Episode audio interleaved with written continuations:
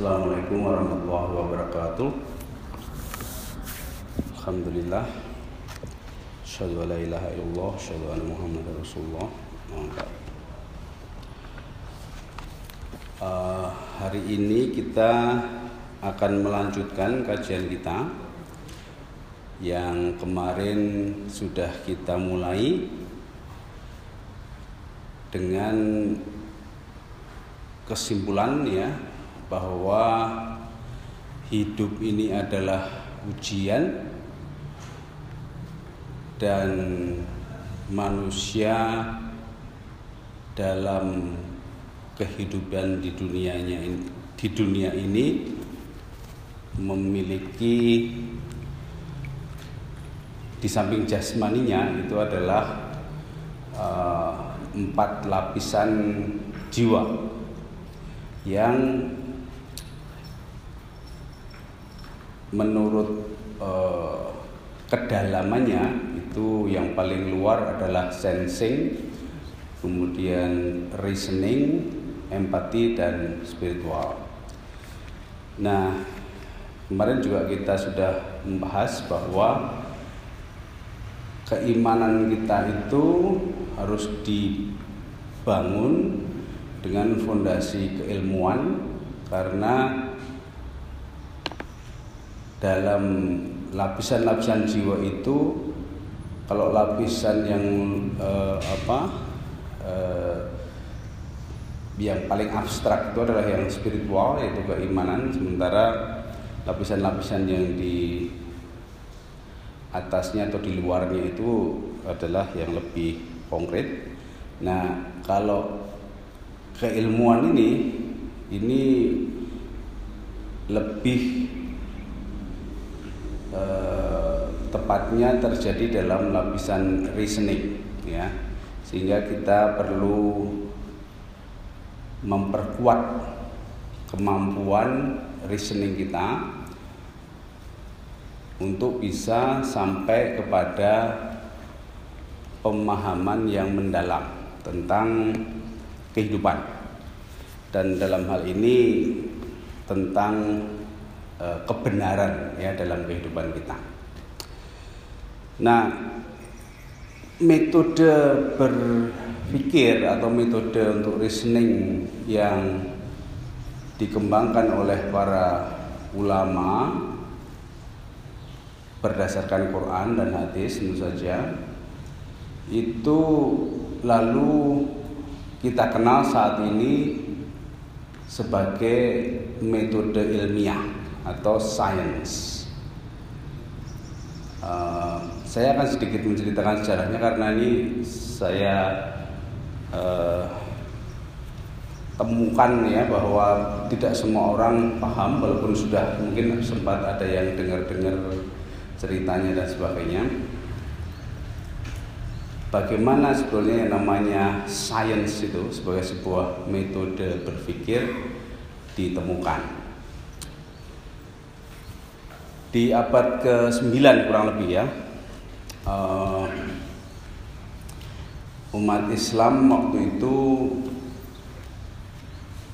uh, sedang dalam uh, pertumbuhan peradaban yang mulai uh, berinteraksi dengan pemikiran-pemikiran para filsuf uh, klasik ya dari Yunani. Nah, eh, para ulama Islam yang sudah dibekali dengan ilmu Al-Quran itu ketika mereka mempelajari filsafat Yunani, eh, mereka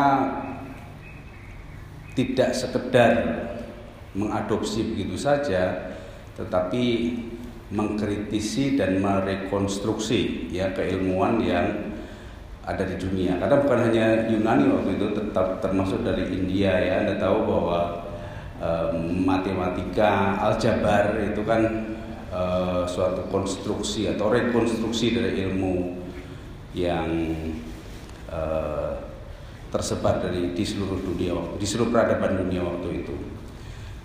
Nah ini yang saya ceritakan ini adalah setelah aljabar. Jadi aljabar itu mendahului karena aljabar itu adalah ilmu tentang eh, matematika yang sebelum aljabar lahir itu hanya sebatas aritmatika dan geometri. Jadi aritmatika dan geometri itu lebih tua Sementara Al-Jabar itu yang lebih modern, ya lebih canggih. Uh, secara sederhana, yang namanya variabel itu sebetulnya baru muncul itu dengan aljabar. Jadi kalau anda bicara mat, uh, aritmatika atau berhitung ya, kemudian ada geometri itu Anda belum begitu mengenal apa yang namanya variabel. Variabel itu artinya sebuah uh, konstruksi yang itu bisa diisi apa saja. Jadi sebuah konstruksi hipotetis yang isinya bisa apa saja tergantung definisinya. Ya, misalnya x itu bisa apa saja anda mau, mau mengisi apa saja dengan X variabel Dan coba bayangkan sebelum aljabar itu variabel belum dikenal sehingga eh, istilahnya bisa dikatakan bahwa penemu variabel itu adalah uh, Al-Khwarizmi ya, penemu aljabar itu. Nah, berkembangnya ilmu matematika ini lalu menginspirasi para ulama Islam yang lainnya. Ya kalau saya sebut ulama ini jangan dibayangkan hanya guru agama ya. Ulama itu adalah ilmuwan. Dan memang pada masa itu yang namanya ulama itu ahli banyak hal dan mereka juga kebanyakan hafal Quran ya. Ahli fikih, ahli filsafat, ahli ilmu-ilmu yang lain ya. Sehingga yang namanya ilmu itu waktu itu adalah satu kesatuan utuh, bukan uh, spesialisasi ya. Spesialisasi itu sebetulnya adalah uh, penurunan atau reduksi dari ilmu. Nah, seorang ulama yang bernama Ibnu Al-Haytham ya, mungkin Anda pernah dengar eh, itu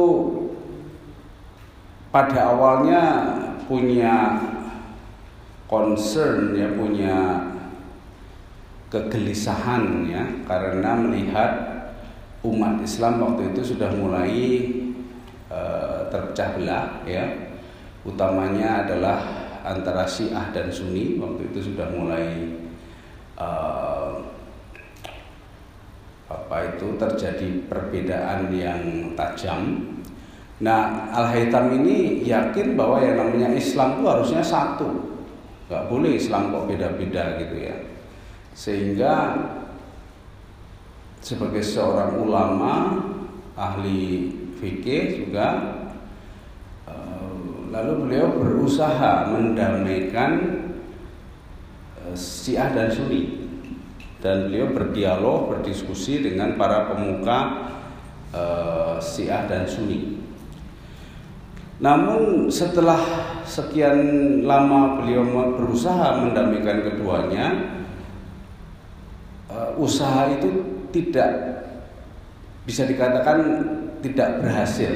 Ya, usaha itu menimbulkan kekecewaan bagi Al Haytham ini karena kok susah ternyata menyatukan eh, pendapat para apa istilahnya pemuka eh, aliran Sunni dan Syiah ini. Nah,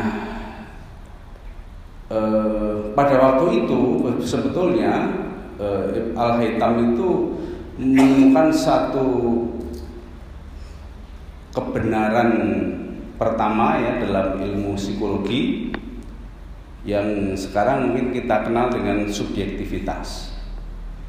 Jadi Ibnu Al-Haytham ketika dia me, uh, apa itu men, mengusahakan untuk mempertemukan pendapat dua kelompok tersebut menyimpulkan bahwa ternyata masing-masing itu punya alasan, punya argumen yang mendukung sikapnya dan itu tidak terbantahkan atau tidak bisa dinego, tidak bisa di eh, apa istilahnya itu dipersuasi ya untuk untuk bisa diubah dan sebagainya. Sehingga dia mengatakan kayaknya memang manusia itu kalau bahasa kita sederhananya adalah subjektif ya.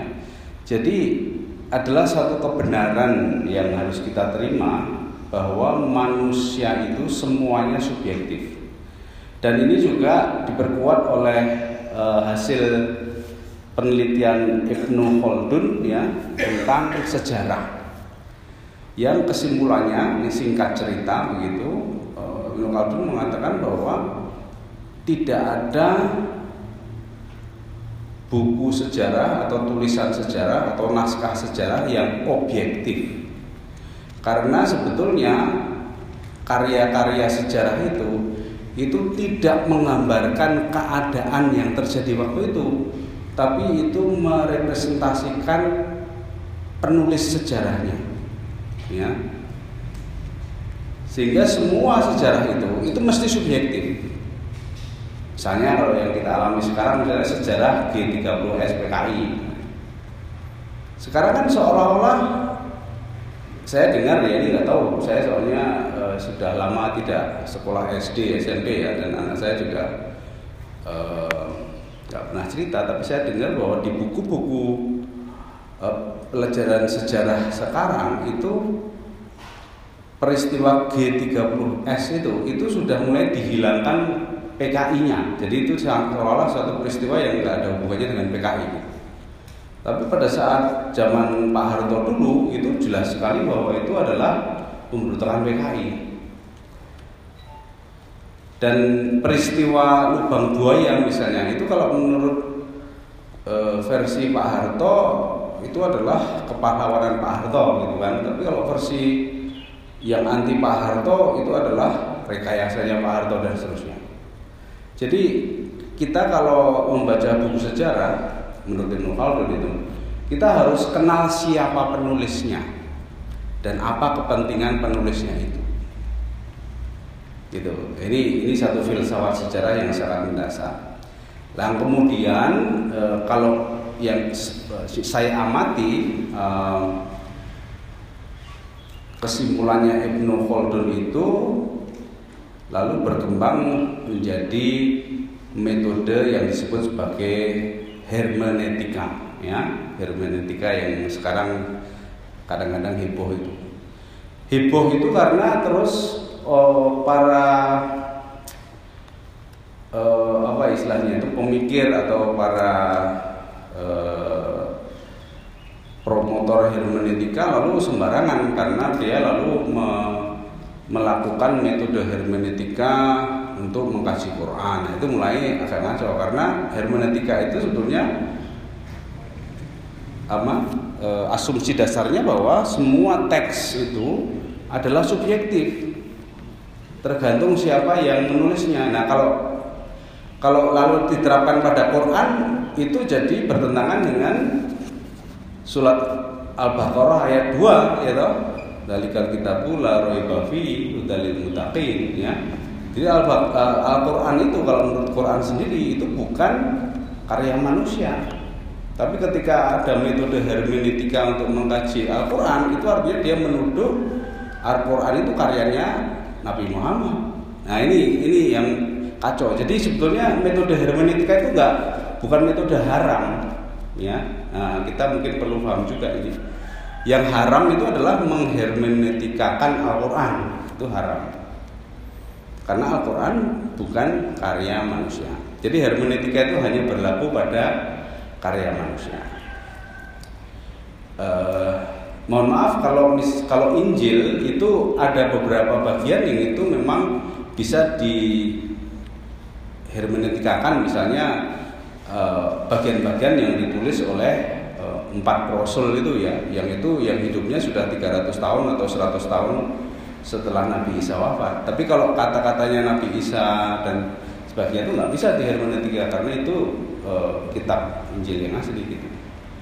Nah ini ini ini kenapa eh, kadang-kadang uh, mereka yang yang ini yang me, apa istilahnya itu menggunakan hermeneutika untuk menganalisis Quran kan kan Injil juga di hermeneutika nggak apa-apa kan gitu ya sehingga mereka lalu berani-beraninya uh, melakukan itu. Nah ini salah satu uh, temuan yang penting. Nah kembali ke Al Haytham tadi karena dia menemukan bahwa manusia itu subjektif sehingga kita tidak mungkin menemukan kebenaran dari pendapat manusia maka beliau beralih ke alam dengan alasan kalau alam kan nggak berpendapat kalau alam itu kan alam semesta itu objektif ya sehingga lalu eh, sebagai seorang ilmuwan sebagai seorang ulama al haytham ini tidak tertarik lagi mempelajari tentang manusia,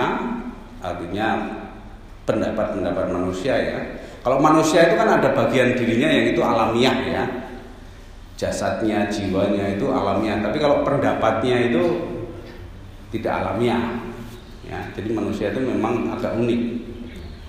Nah, lalu Al-Haytham beralih fokus ya, beralih fokus ke alam semesta. Karena alam semesta tidak mungkin bohong, ya. Dan tidak punya kepentingan untuk bohong kan. Alam semesta kan bertasbih pada Allah. Kalau manusia kan harus disuruh bertasbih itu. Jasadnya bertasbih, hatinya, nah hati di sini adalah jiwa yang spiritual tadi yang bertasbih, ya. Tapi kalau empati, reasoning, sensingnya itu kadang-kadang ingkar ya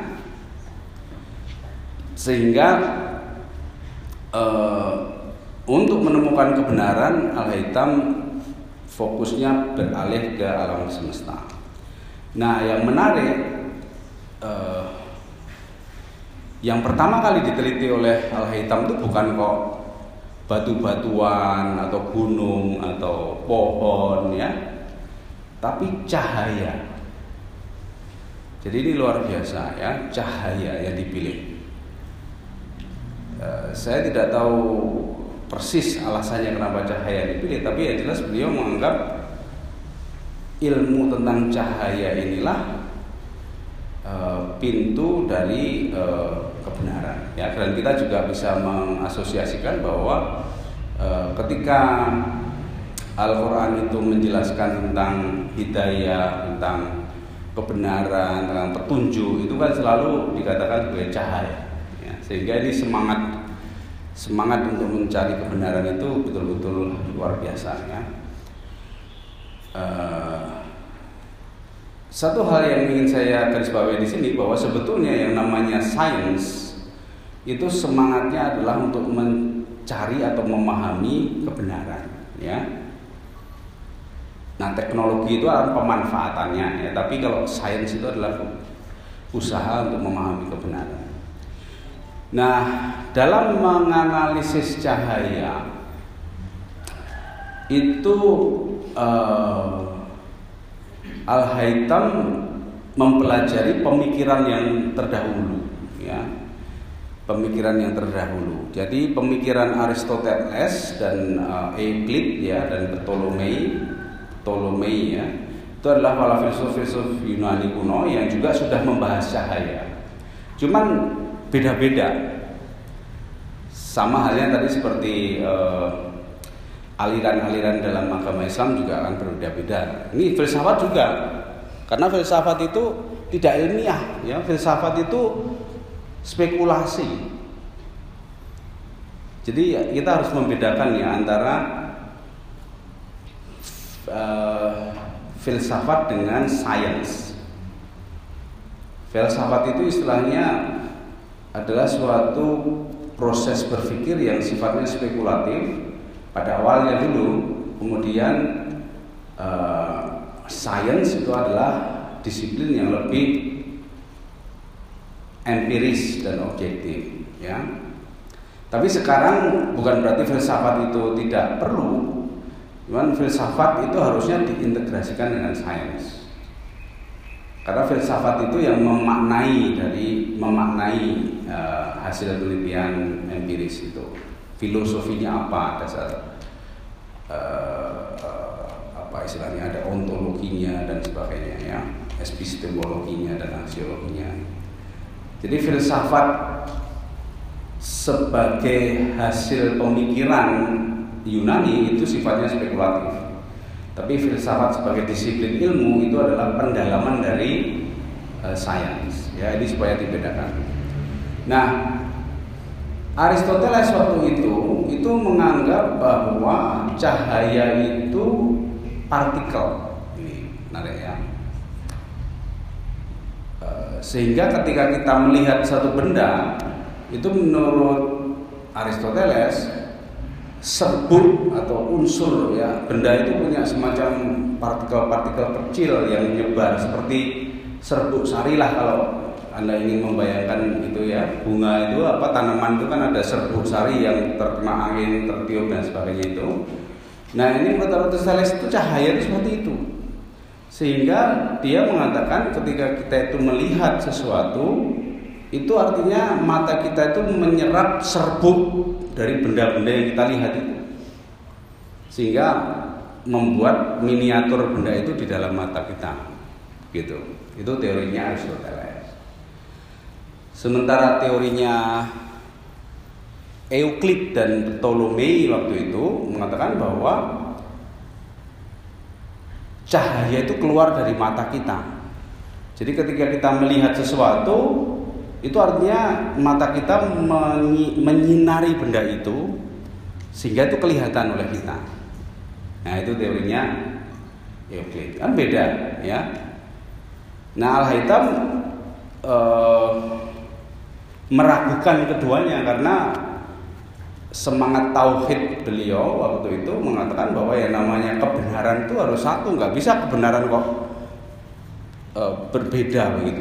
Kebenaran itu harus satu. Jadi cahaya itu seperti apa itu harus satu penjelasannya dan universal. Nah, mengambil e, asumsi dari Euclid ya dan Ptolemy tadi ilmu Hatan lalu membuat postulat, membuat hipotesis ya. Pertama hipotesisnya adalah bahwa cahaya itu bergerak mengikuti garis lurus. Itu. Nah, untuk untuk membuktikan hipotesisnya ini, lalu Ibnu Al-Haytham menemukan metode yang lalu disebut sebagai eksperimen. Jadi metode eksperimen itu penemunya adalah Ibnu Al-Haytham. Ya, tadi uh, hermeneutika itu Ibnu Khaldun, kalau uh, discourse analisis itu Imam Ghazali ya. Jadi ini sebenarnya banyak ya. Ini saya saya fokusnya ke Al Haytham karena lebih ke sains. Uh, kemudian beliau meneliti membuktikan ya bahwa hipotesis bahwa cahaya itu berjalan menurut garis lurus dengan berbagai cara lebih dari 50 cara untuk membuktikan itu ya Salah satunya adalah beliau membuat semacam uh, pipa gitu yang sudah dipastikan itu pipanya itu lurus lalu dikasih uh, lubang kecil di tengahnya ya. Nah, dengan itu lalu dia me mengintip lilin ya. Jadi dia intip lilin itu menurut pipa itu apa lubang di pipa itu yang sudah dipastikan itu lurus kelihatan no? biasa atau seolah tapi kemudian dalam posisi yang sama lubang di pipa itu ditutup. Kelihatan nggak lilinnya? Nggak kelihatan. Artinya apa? Artinya satu-satunya jalan yang dilalui cahaya lilin itu hanya di lubang pipa itu. Dia tidak melingkar terus jadi kelihatan. Kalau tidak berjalan garis lurus kan harusnya kalau garis lurusnya ditutup dia masih kelihatan. Tapi ketika garis lurusnya ditutup kok dia tidak kelihatan dan ketika garis lurusnya dibuka dia kelihatan, berarti itu hanya garis lurus yang dilalui oleh cahaya itu. Nah ini, ini salah satu metode yang waktu itu diilustrasikan dalam sebuah acara BBC ya tentang sejarah ilmu pengetahuan. Jadi saya belajar ini justru dari BBC, jadi uh, Inggris itu ya, Broadcasting British Broadcasting apa itu, C itu apa, Corporation atau apa ya. Itu salah satunya, tapi ada 50 cara yang lain yang saya juga belum mempelajari semuanya dan uh, bukunya itu sendiri agak susah ditemukan ya tapi di perpustakaan di Oxford sana ada itu bukunya kalau nggak salah ya eh, nah lalu beli dengan setelah cahaya melalui garis lurus itu terbukti lalu beliau menciptakan apa yang disebut kamera obscura ya kamera obscura itu adalah kamar ya kamera itu kan kamar obscure itu tertutup atau gelap gitu ya. Jadi kamar gelap ya. Nah, lalu di kamar gelap itu dilubangi kecil gitu. Lalu di eh, jadi ini ada kamar kotak kecil gitu, sini dilubangi tembok sini, di sini dikasih layar. Apa gunanya? Eh, kamar itu eh, merupakan alat untuk menangkap cahaya dan cahaya itu hanya dikasih jalan di lubang kecil itu ya dan dia sudah berasumsi bahwa cahaya itu berjalan garis lurus sehingga nggak mungkin nanti terus tiba-tiba karena lubang kecil terus jadi terang semuanya nggak mungkin ya. Jadi pasti akan ada garis yang masuk ke dalam uh, layar itu. Dan eksperimennya itu ada orang yang berdiri di depan lubang kecil itu lalu dikasih cahaya dan e, dilihat di layar itu lalu muncul bayangan orang itu. Dan apa yang terjadi? Bayangan orang di layar itu terbalik. Ya. Artinya apa? Artinya sinar yang dari atasnya itu masuk ke lubang itu lalu jadi di bawah karena lubangnya kan kecil. Lalu sinar yang dari bawah masuk ke lubang itu jatuhnya di atas sehingga kakinya di atas, kepalanya di bawah. Gitu. Nah, ini sekali lagi membuktikan bahwa cahaya itu bergerak mengikuti garis lurus. Nah, kamera obscura inilah yang lalu dikembangkan menjadi kamera yang sekarang anda gunakan itu kamera itu sebenarnya kamar ya kamera itu kamar artinya jadi nama kamera itu kalau potret itu apa ya? Nggak tahu saya potret itu. Mungkin lain lagi nanti ya. Jadi ini pembuktian bahwa eh, cahaya itu mengikuti garis lurus itu lalu menjadi ilmu tentang optik ya.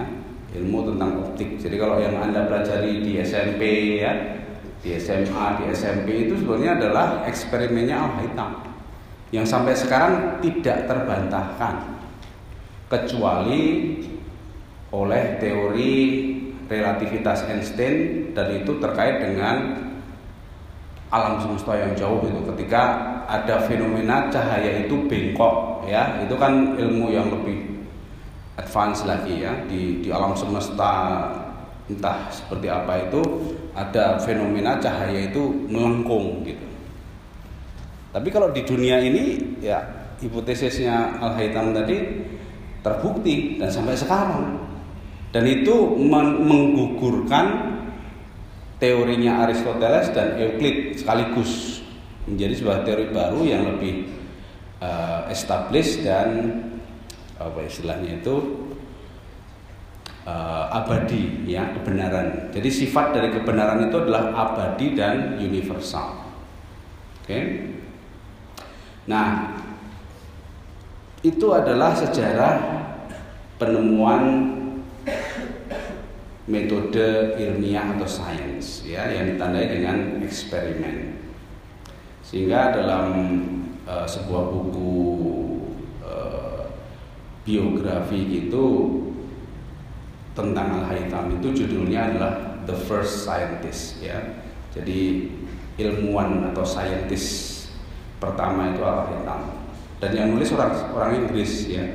Jadi ini bukan klaim karena dumeh Islam gitu ya, bukan. Tapi ini ini uh, penemuan ilmiah ya toh, kesaksian ilmiah.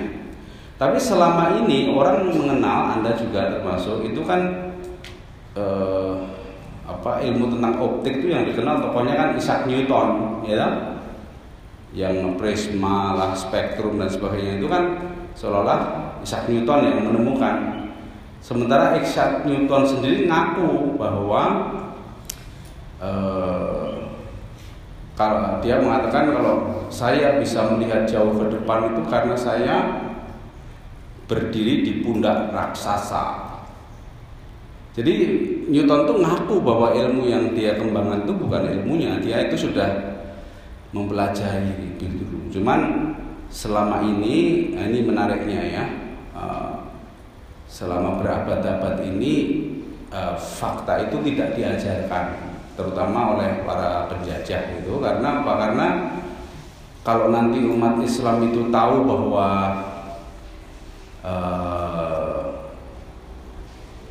apa istilahnya itu sumber ilmu atau pemikiran itu memang berasal dari Islam dari orang umat Islam nanti dikhawatirkan mereka akan pede ya percaya diri lalu bangkit dan sebagainya. Makanya dalam masa penjajahan itu eh, itu ditutupi ya. Dan kebetulan memang ada sejarah perang salib dan sebagainya yang menganggap umat Islam itu musuh ya kan? Sehingga dalam kitab-kitab terjemahan dari karya-karya ulama Islam itu nama-nama ulama Islam itu disamarkan seolah-olah mereka itu orang Yunani. Misalnya Ibnu Sina dikasih nama Avicenna ya. Ibnu Rus dikasih nama Averroes Al Haytham ini dikasih nama Al Hazen lalu uh, Al Ghazali di, diberi nama Al Ghazel gitu ya. Jadi disamarkan supaya yang belajar itu tidak mengira kalau itu Islam gitu. Dikiranya itu Yunani seperti uh, Aristoteles dan sebagainya itu ya. Jadi ini ada uh, apa? peran politik ya, politik uh, peradaban ya. Dan kenapa sekarang terungkap itu gara-gara September 11. Nah, ini menarik. Jadi gara-gara September 11 itu seolah-olah umat Islam itu semuanya teroris, Justru orang-orang Barat apa eh, para ilmuwan Barat yang tahu sejarah yang sungguhnya yang yang apa eh, mempelajari karya-karya asli di Oxford.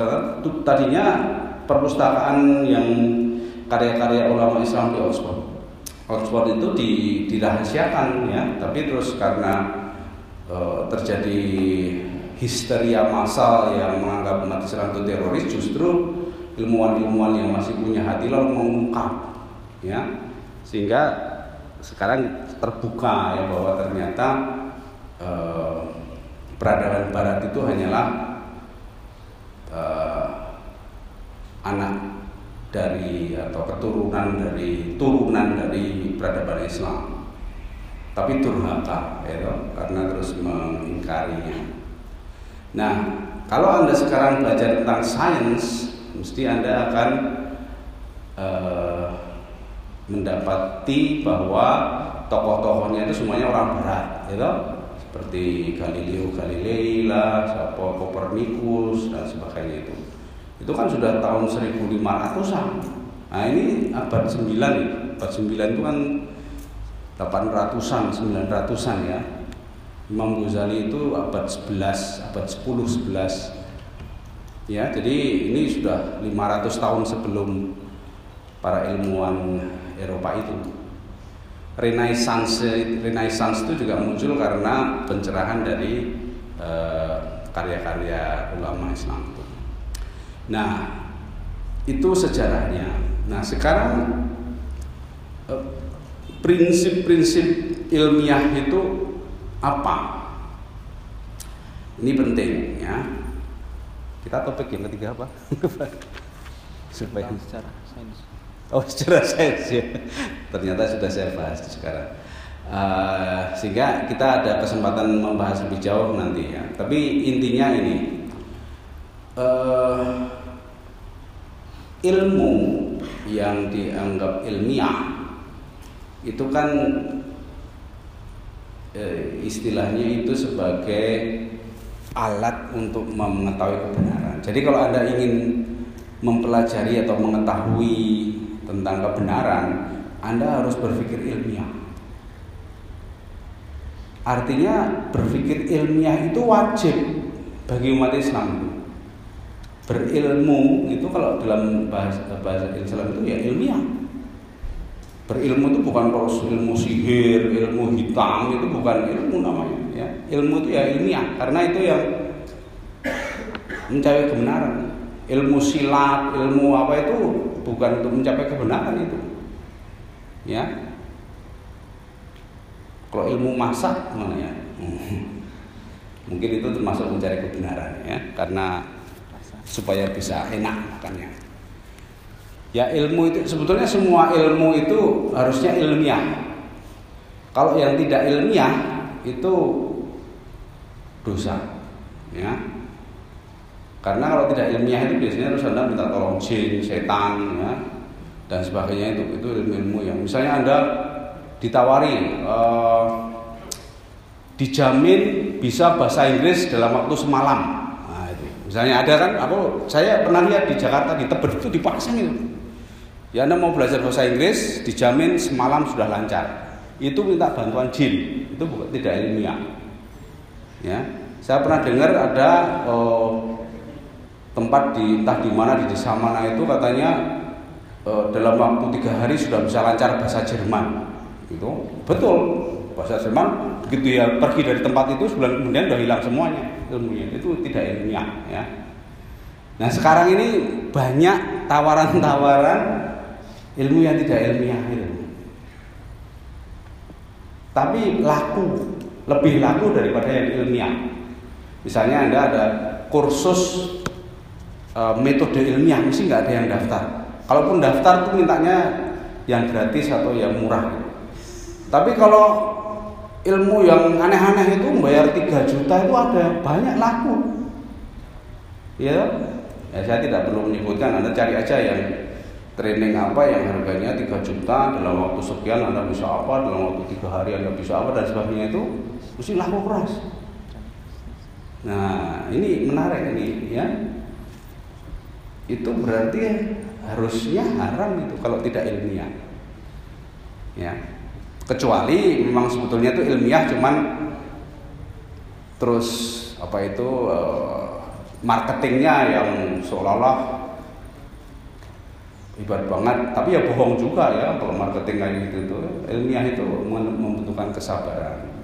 Jadi prinsip ilmiah itu uh, menurut Ustadz Ali Abdul Munim ya ini seorang pemikir doktor dari UII uh, itu adalah ilmu pengetahuan yang bertanda ya ada tandanya. Nah tanda ini bisa berarti ayat eh, berarti alam eh, evidence data apa sign ya dan seterusnya ya jadi ilmu yang ilmiah itu harus ada tandanya dan sumber tanda itu ada dua. Ayat Quran dan alam semesta. Secara secara gelondongannya itu dua itu. Eh bentuknya macam-macam. Seperti misalnya Al-Haytham tadi dia menciptakan tanda-tanda bahwa cahaya itu bergaris lurus dengan berbagai metode dan itu sifatnya alamiah. Ya kan sehingga itu menjadi ilmu alam. Ya kan? Ilmu alam itu ilmu ilmiah. Tapi bukan hanya alam dalam arti benda ya tapi manusia ini kan juga alam kalau bahasa Jawanya itu jagat cilik ya jagat gede jagat cilik mikrokosmos mikro makrokosmos sama mikrokosmos itu sebenarnya alam juga tapi bukan pendapatnya loh kalau pendapat manusia itu ada hawa nafsunya ada nanti kita bahas di uh, pertemuan selanjutnya ya ada setannya dan sebagainya itu tapi manusia sebagai makhluk Allah itu sebenarnya alam juga. Jadi kita bisa meneliti diri kita. Misalnya ilmu kedokteran, ilmu biologi itu kan dari manusia juga, ya. Nah, ayat Quran itu kalau menurut uh, Ustadz Ali Abdul Munin itu adalah istilahnya alam semesta itu di zip jadi satu buku, ya. Kalau anda pelajari sungguh-sungguh di Al-Quran itu semua fenomena alam itu sudah ada di Quran. Jadi ayat Quran sama ayat ayat kauliyah dan kauniyah itu sebetulnya sinkron, ya sinkron. Nah, ini ini bisa kita bahas lebih jauh nih banyak sekali ya, bukti-buktinya ya. Uh, sehingga harusnya yang namanya karya ilmiah itu referensinya hanya Al-Quran dan alam semesta. Ya, nah, tapi sekarang ini eh, kita ya ikut-ikutan orang Barat yang eh, tidak beriman yang mengatakan bahwa Al-Quran itu tidak ilmiah. Nah, ini kesalahan besar. Ya, tapi kalau alam itu boleh boleh dipakai kan tanda-tanda alam itu boleh dipakai. Tapi Al-Quran dianggap tidak ilmiah. Nah ini adalah kesalahan besar. Padahal Al-Quran itu adalah ayat-ayat yang menjelaskan alam semesta. Ya. Jadi kalau dalam dalam prakteknya nanti anda e, kalau menulis karya ilmiah itu harus banyak baca Quran. Atau banyak keliling dunia atau mengobservasi alam. Atau mengobservasi alam lalu baca Quran itu lebih bagus lagi karena bisa di, Quran menjelaskan fenomena alam itu. Fenomena alam kan anda cuma bisa melihat tapi Al Quran itu berbicara kepada anda ya. Itu yang namanya metode ilmiah. Nah yang lebih penting lagi anda harus mengenali apa yang tidak ilmiah. Karena ini yang harus dihindari. Yang tidak ilmiah itu ada lima, ya. Satu itu uh, prasangka, ya, don, spe, spekulasi. Yang kedua itu adalah hawa nafsu, karena anda ingin ada interest ya ada vested interest itu tidak ilmiah. Kalau don itu spekulasi, cuman bayang-bayangin jangan-jangan ini begitu, jangan-jangan itu begitu itu nggak ilmiah, ya tak?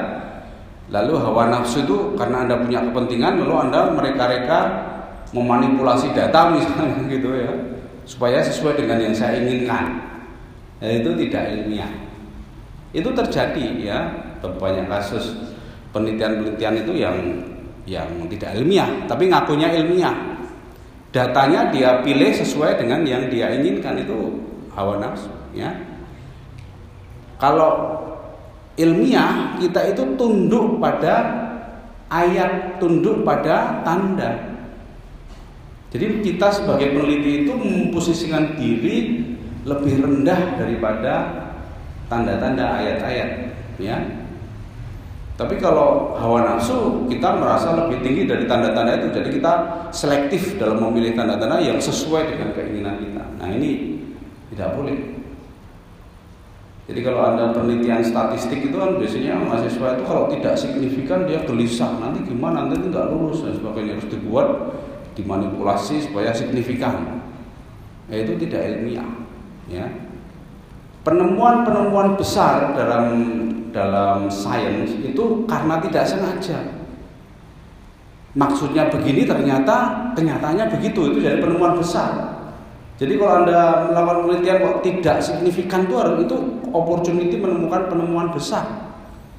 Ya, kalau cuma signifikan signifikan terus ya itu cuma rutinitas, toh, cuman apa kayak tukang aja anda itu. Ilmuwan itu harus menemukan kebenaran. Justru ketika yang Anda duga, yang Anda hipotesiskan itu tidak terbukti, berarti Anda menemukan sesuatu. Nah, sesuatu itu apa? Itu nanti kita bahas dalam disiplin berpikir ya. Ada tujuh disiplin berpikir nanti.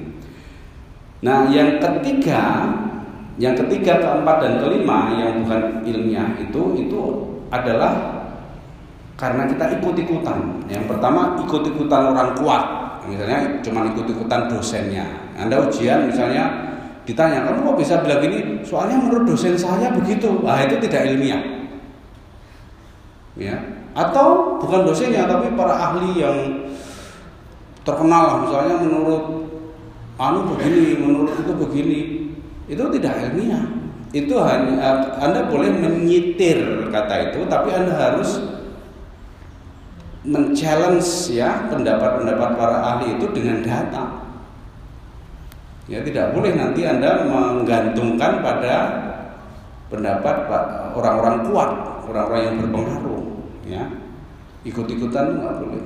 Sehingga seorang ilmuwan sejati, saintis sejati itu selalu skeptis dan selalu kritis terhadap siapa saja walaupun terhadap bahkan terhadap Einstein misalnya gitu ya seolah Einstein itu sudah benar semua. Padahal enggak. Teori apa itu?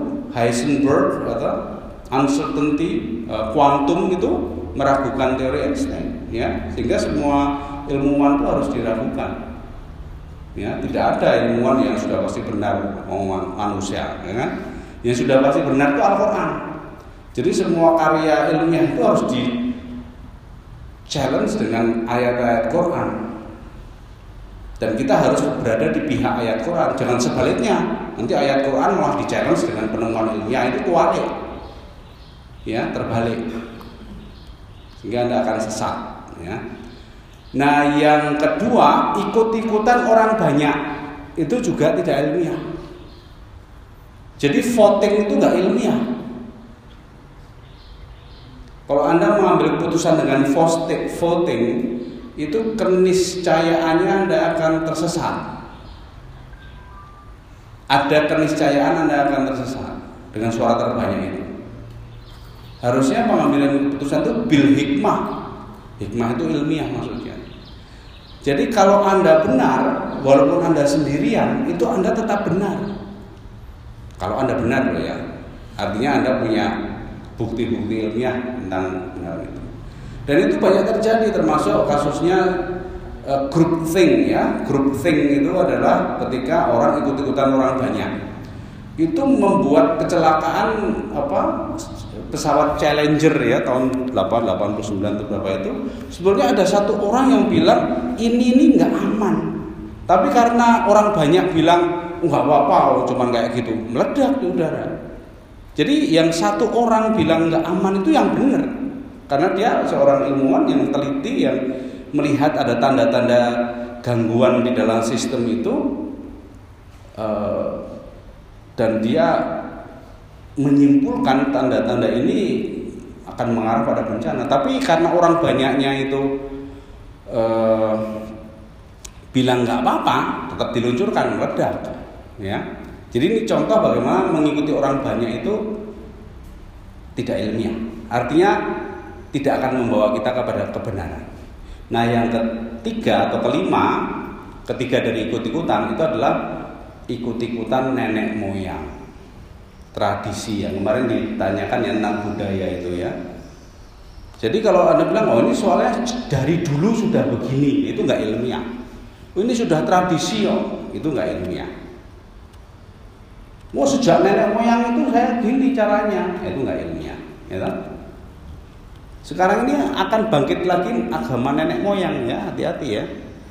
Jadi orang-orang dulu kan ada aliran kepercayaan dan sebagainya itu kan e, minta diakui dan sebagainya. Sekarang semakin kuat. Kemarin saya barusan ketemu itu ada kelompok tertentu yang misalnya protes karena dia tidak boleh mengikuti agama nenek moyangnya, padahal dia keturunan langsung dari nenek moyang itu.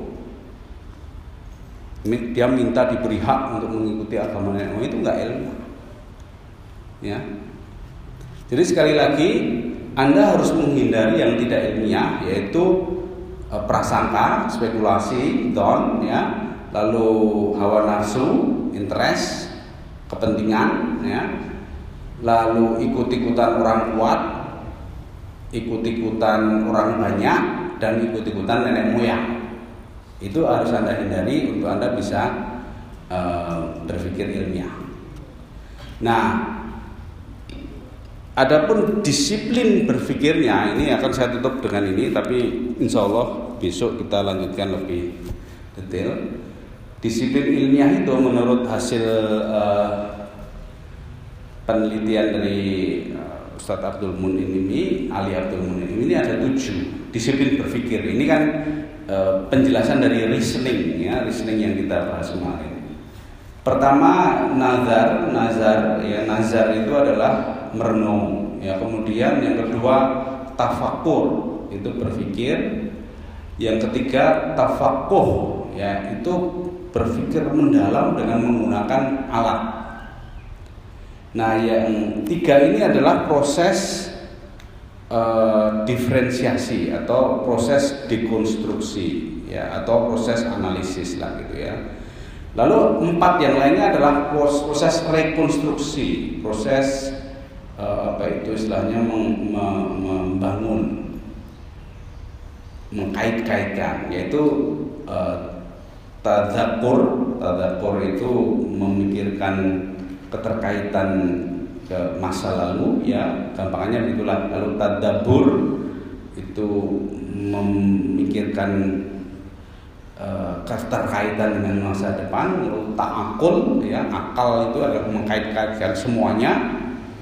Lalu ihata ihata itu adalah membuat kesimpulan akhir membuat sintesis membuat uh, selective coding istilahnya ya. Istilahnya yang sesu, kesimpulan yang yang universal yang uh, generalisasi jadi uh, nazar tafakur, tafakuh, tadzakur, zikir, tadabur, ta'akul dan ihata.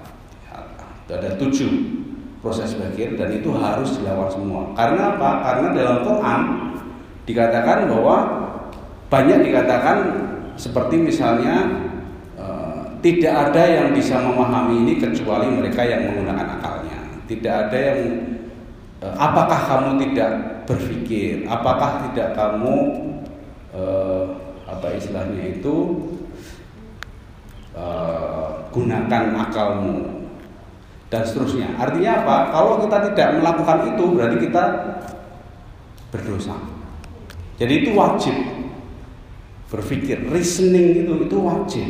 Kenapa? Kalau tidak nanti kita akan bahas bagaimana penyakit orang yang malas berpikir itu ya. Dan itu akan mengerikan ya. Banyak peristiwa saat ini yang terjadi karena uh, sensing mentality artinya orang tidak mau masuk ke reasoning dia cuma menjalani hidupnya itu dengan sensingnya saja. Itu akan menjadi uh, petaka dan kerusakan moral kerusakan apa perbuatan kriminal ya dan seterusnya dan juga kerusakan masyarakat baik jadi itu uh, highlight saja tentang metode ilmiah. Tentu saja eh, banyak sekali kalau Anda mau mendalaminya, tapi paling tidak prinsip-prinsip itu harus dipegang ya. Bahwa berpikir ilmiah itu wajib. Termasuk ketika Anda tidak mudah terombang-ambingkan oleh hoax ya hoax itu sangat tidak ilmiah dan itu sangat berbahaya. Ya dia memang sengaja menciptakan spekulasi sengaja menciptakan keresahan dan sebagainya. Itu teror sebetulnya hoax itu teror untuk teror. Dan kalau anda tidak ilmiah anda bisa jadi korban ya. Itu sebagai fenomena uh, saat ini yang harus kita waspadai. Baik saya kira saya cukupkan sekian karena waktunya. Uh, mudah-mudahan bermanfaat dan uh, kita akan lanjutkan lagi besok insya Allah Assalamualaikum warahmatullahi wabarakatuh Boleh, boleh, boleh. Ya, mari jamaah sekalian kita ucapkan terima kasih kepada Pak Busrio yang telah menyampaikan kajian pada hari ini tentang berpikir ilmiah, cara untuk kita memperoleh sebuah kebenaran. Ini menjadi bagi teman-teman yang sekarang ini lagi fokus ke skripsi ya mungkin ya. Jadi dasar pemahaman seperti itu. Ya, kita masuk ke sesi tanya jawab. Monggo.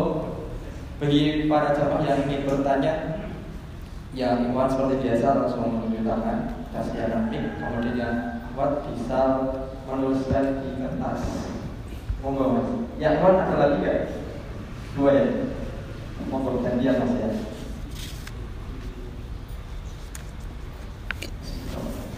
Uh, Assalamualaikum warahmatullahi wabarakatuh. Waalaikumsalam warahmatullahi Ustaz saya mau bertanya masalah uh, mungkin kita di sini uh, banyak menuntut buku ilmiah gitu Ustaz. Uh, yang dianggap ilmiah atau memang benar-benar ilmiah. Tapi di balik buku kan biasanya kita menemukan yang namanya referensi atau daftar isi gitu. Sementara dari yang Ustadz jelaskan itu uh, yang mutlak itu Al-Quran gitu Ustaz. tapi di sisi lain itu kita nggak pernah nemukan daftar isi atau daftar uh, diambil dari Al-Quran gitu dari nama-nama orang gitu itu gimana pandangannya Ustaz? Uh, terus yang yang kedua itu masalah uh, mungkin benar ya Ustaz Bang kita itu jarang berpikir untuk menemukan sesuatu. Artinya kita itu mutlak uh, dari orang sebelumnya gitu Ustaz. Iya. itu untuk uh, mengubah mindset seperti itu langkah yang baik atau yang bisa kita lakukan untuk mengubahnya itu Ustaz gimana caranya gitu. Apalagi ya mungkin dari awal kita dicekokin dengan yang namanya ilmuwan-ilmuwan barat gitu. Kita jarang menemukan yang namanya ilmuwan-ilmuwan Islam gitu. Karena dia memang benar ilmuwan-ilmuwan barat itu sekitar uh, abad 15 atau 16 gitu kan Ustaz. Yang banyak-banyak di buku-buku pengetahuan yang kita dalami mulai dari SD, SMP, SMA gitu. Jadi untuk ke depannya itu gimana untuk generasi selanjutnya itu bisa tahu gitu loh Ustaz. Langkah kita yang kita lakukan itu seperti apa gitu. Terima kasih. Assalamualaikum warahmatullahi wabarakatuh. Waalaikumsalam. Satu-satu aja ya, nanti lupa. Soalnya. Baik, eh, saya jawab singkat saja. Pertama, eh, kita memang harus pandai-pandai ya ketika menghadapi sistem yang sudah terlanjur menganggap Al-Quran itu tidak ilmiah ya. Sehingga kita harus pandai-pandai menyusun argumen. Soalnya kalau kita asal-asalan nanti malah justru memperburuk citra Al-Quran. Misalnya kita cuma ngutip ayat Quran asal-asalan terus tidak kita pikirkan betul tidak kita kaji betul cuma ditempelin misalnya gitu terus kita jadikan referensi nanti malah jelek. Jadi anda harus belajar bagaimana e, mengkaji ayat Quran sebagai sumber inspirasi ilmiah. Itu ada ada caranya sendiri ya dan harus dilatih ya. E, mungkin justru bisa juga anda mencari karya-karya orang yang sudah melakukan itu sehingga anda bisa meniru ya bagaimana supaya bisa mengambil referensi dari Quran itu.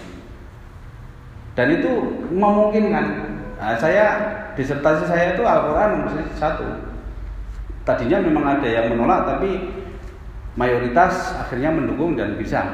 Artinya tidak bukan tidak mungkin. Cuman anda harus punya cara supaya itu masuknya itu tidak dipaksakan. Ya gitu ya. Nah yang kedua referensi-referensi dari penulis yang lain itu boleh. Yang nggak boleh anda taklid pada penulis itu. Ya jadi referensi itu memang harus di dikaji betul tapi harus anda kritisi. Jadi nggak boleh pokoknya yang ini yang benar. Itu jangan gitu. Ya semua karya ilmiah itu tidak ada yang sempurna karena semuanya apa istilahnya itu eh, sementara ya. Semuanya sifatnya sementara sehingga harus dikritisi. Nah caranya bagaimana? Itu yang tujuh disiplin tujuh disiplin berpikir tadi harus kita biasakan. Kita harus biasa merenung bisa berpikir ya lalu menganalisis mendalam lalu mengkait-kaitkan ya me- melihat masa lalu mengkaitkan dengan masa depan lalu me- mentransformasikan menjadi sebuah kesimpulan yang universal. Itu itu itu caranya ya. Itu yang saya katakan terakhir tadi adalah caranya supaya kita terlatih untuk berpikir ilmiah. Gitu ya mungkin ya. Baik Monggo pertanyaan yang kedua, Mas. langsung Hmm. udah dijawab ya baik Ini ada pertanyaan dari Ahmad Ustaz, Ya. pertanyaan. Pertama, apa hukumnya ikut-ikutan dalam hal fikih, yakni mengacu pada imam yang diyakini untuk orang banyak. Namun dalam hal ini kita belum mampu untuk beristihad sendiri untuk menentukan sikap memilih fikihnya. Itu pertanyaan pertama. Kemudian yang kedua, apa parameter seseorang dikatakan sudah siap dan sudah layak beristihad? Uh, mungkin yang kedua dulu ya bahwa semua orang yang dewasa dan berpikiran sehat itu sebetulnya sudah layak beristihad. Cuman yang namanya istihad itu bukan asal-asalan. Jangan Anda bilang ini hanya hanya spekulasi tapi Anda bilang ini istihad, ya. Eh, namanya juga usaha. Itu kan nggak boleh. Itu harus disiplin dan disiplinnya itu harus ilmiah tadi. Jadi sebenarnya metode ilmiah itu adalah metode beristihad. Dan para ulama itu ketika menyusun kitab fikih itu ya pakai usul fikih. Uh, saya belum menyebutkan ya, sebenarnya usul fikih itu adalah induknya metode ilmiah. Jadi mencari maksud dari sesuatu, memahami uh, apa esensi dari suatu hukum dan sebagainya itu sebenarnya adalah metode ilmiah. Nah, kalau Anda mengikuti uh, apa fikih tertentu itu boleh saja karena kan dia sudah diakui, tapi jangan terus ketika Anda mengikuti fikih tertentu harus anggap yang fikih apa ulama fikih yang lain itu kafir misalnya itu nggak boleh karena itu namanya juga istihad. Jadi anda boleh aja e, karena anda belum belum bisa me, memikirkan mana yang e, apa anda yakini betul, sementara ikut dulu. Tapi anda mengikutinya jangan taklid, jangan terus e, fanatik ke satu aliran itu berbahaya. Saya barusan anu ya mengkaji Quran itu ada ayat yang mengatakan kalau kita itu memecah belah agama itu itu sudah kafir. Ya, kalau anda taklid pada hanya satu aliran saja, itu kafir itu bahaya itu, dosanya besar itu. Jadi semangat kita itu harus membuat Islam itu satu. Ya, walaupun kita tidak akan mungkin mampu seperti Al Haytham tadi, dia tidak mampu menyatukan, tapi semangatnya tetap. Karena itu tauhid itu di situ yang namanya berislam itu umat Islam itu satu semangat itu harus dijaga kenyataan bukan tanggung jawab kita tapi kalau anda menjadi bagian dari yang memecah belah umat Islam nah itu anda berdosa lalu anda menganggap aliran anda yang paling benar yang lainnya itu kafir misalnya itu sangat berbahaya. Sehingga mengikuti itu boleh tetapi taklid tidak boleh. Anda harus punya pemikiran, Anda harus punya perbandingan ya, yang lain berpendapat ini, yang lain berpendapat ini, kenapa ini berpendapat ini, kenapa berpendapat mungkin itu konteksnya misalnya ya. E, misalnya contohnya yang gampang aja, Anda kalau bersentuhan dengan lain jenis itu batal wudhunya. Nah itu kalau Anda naik haji itu batal terus nanti. Gimana coba? Terus Anda kan harus oh, ganti saya mazhabnya kan pas haji ya. Sebetulnya itu nggak apa-apa ya ada konteks dan juga ada makna ternyata yang dimaksud bersentuhan itu bukan hanya nggak sengaja terus nyenggol gitu bukan tapi maksudnya adalah uh, hubungan yang lebih intim daripada itu yang membuat batal gitu loh jadi anda tetap harus mikir boleh ikuti sebagai eh, eh, sebagai apa istilahnya itu usaha untuk berjaga-jaga yang menghindari mudorot ya untuk berhati-hati itu mengikuti. Tetapi tidak terus taklid terus kaku terus keras terus merasa benar sendiri nah itu mulai tidak boleh ya. Jadi itu itu yang harus kita uh, biasakan ya. Karena kita memang kalau musuh-musuh Islam tuh maunya kita tuh terpecah belah ya sehingga mudah dikuasai kan? Kita sedang dalam proses uh, itu ya. Dalam proses yang diramalkan oleh Rasulullah bahwa umat Islam itu banyak tapi itu seperti bui sehingga dia dijadikan bacaan oleh umat yang sedikit tetapi uh, lebih lebih cerdas ya. Dan itu sedang terjadi di Indonesia karena ternyata umat Islam yang banyak itu di Indonesia sebetulnya bukan hanya di Indonesia di Arab juga atau di Timur Tengah juga di opo-opo semua atau ini ini sudah diramalkan Rasulullah. Jadi anda jangan jangan jadi bagian dari Eh, kekacauan itu. Jadilah bagian dari solusi ya yaitu dengan semangat uh, Islam yang kafah, Islam yang satu ya tauhid, uh, Islam yang bersikap ilmiah, rendah hati, uh, tapi tapi imannya harus kuat, ya komitmennya kuat, sabar, istiqomah dan seterusnya. Fastabiqul khairat dan seterusnya ya. Jadi banyak sekali yang harus dilakukan. Baik. Itu sudah yang hukum ikut-ikutan. Sudah tadi. Sudah. Ya. Baik. Kali ini terima kasih kepada Ustaz Bagus dengan yang telah menyampaikan materi dan menjawab pertanyaan dari beberapa kita. Semoga apa yang